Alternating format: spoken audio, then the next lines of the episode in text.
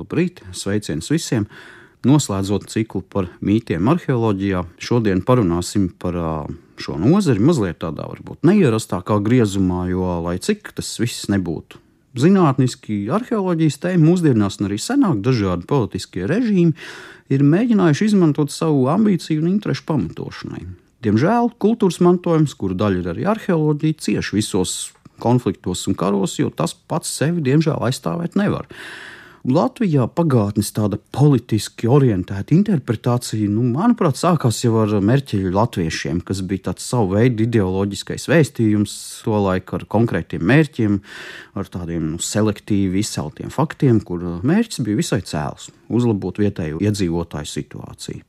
Visu 19. gadsimtu šajā vēstures zinātnē un arheoloģijas pirmsākumos, protams, dominēja vācu pētnieki, pamatā šo kultūras trēģerismu ideju, ka vietējiem kultūra būtu atnesta no rietumiem.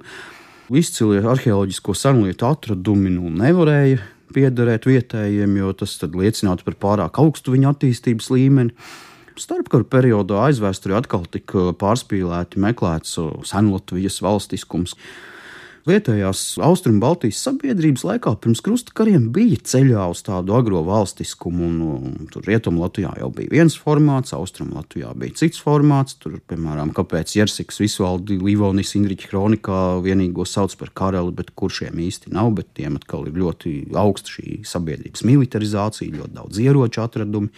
Padomju laikā notiek atkal pretējais. Piemēram, aizvēstures pētījumos obligāti ir jāiepina šīs nodevas marksismam, jāiepina dižvadoņu citāti, jāuzsver tāda labvēlīgākā, progresīvākā austrumu ietekme.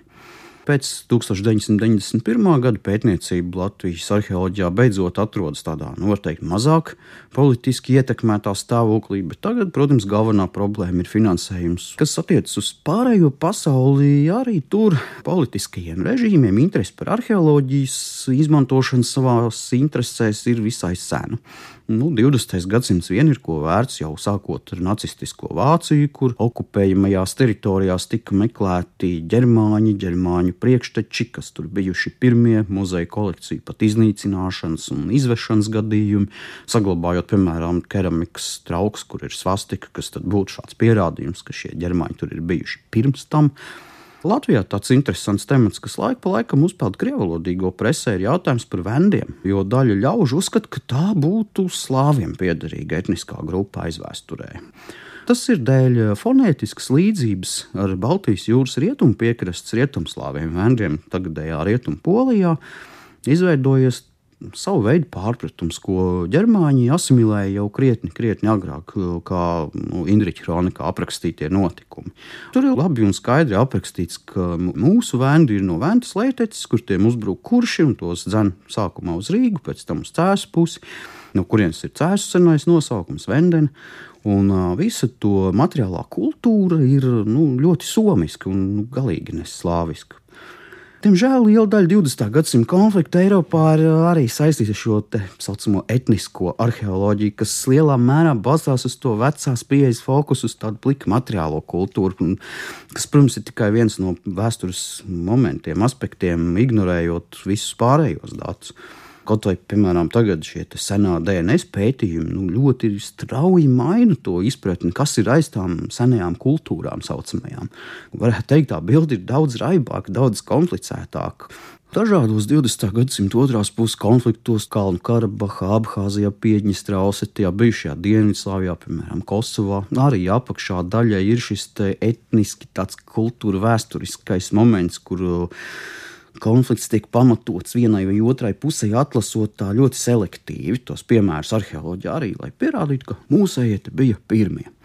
Vispār šis 20. un 21. gadsimta sākums jau ir paspējis, diemžēl, nodarīt milzīgu postu kultūras mantojumam. Kaut vai atceramies Talibanu sašautās budas statujas, islāmistu nodedzinātā biblioteka malī, Kairas muzeja demolēšana, Bagdādas muzeja izlaupīšana, karš Sīrijā, man liekas, bija viens no visšokējošākajiem pēdējos gados, kur bija šis ikoniskais notikums, kur islāma valsts kaujinieki nogalināja Palmīras muzeja pārzini, slavenu pētnieku, kas neizpauda noslēpto senlietu atrašanās vietu. Nu, atceramies kaut vai mūsu pašu Mērijas Grīnbergas varoņu darbu otrā pasaules kara laikā, glābjot šīs izvestās kolekcijas. Tas, kas tagad notiek Ukrajinā ar pagātnes saglabāšanu, nu, šī posta mērogu mēs vēl nespēsim atvērt gadiem. Vispār ir tā, ka jebkuram iebrucējam pietāte pret vietējiem vēstures pieminekļiem ir zemāka nekā pret viņa dzimtās vietas pieminekļiem. To kaut vai redz arī mantraču fórumos, paskatoties līdzi, cik sistemātiski tiek iztīrītas senvietas, tajā pašā okupētajā Krimā. Nu, varētu teikt, ka mūsdienās kultūras mantojuma, tā skaitā arheoloģija, apdraud divas lietas - ārējās briesmas un izglītības izpratnes līmenis, kas pieļauj šo ko rakņāšanos pieminekļos, lietu raušanu ārā no konteksta. Būtībā tā ir tāda poetiski sakot, lapuses izraušana vēl neuzrakstītajai vēstures grāmatai.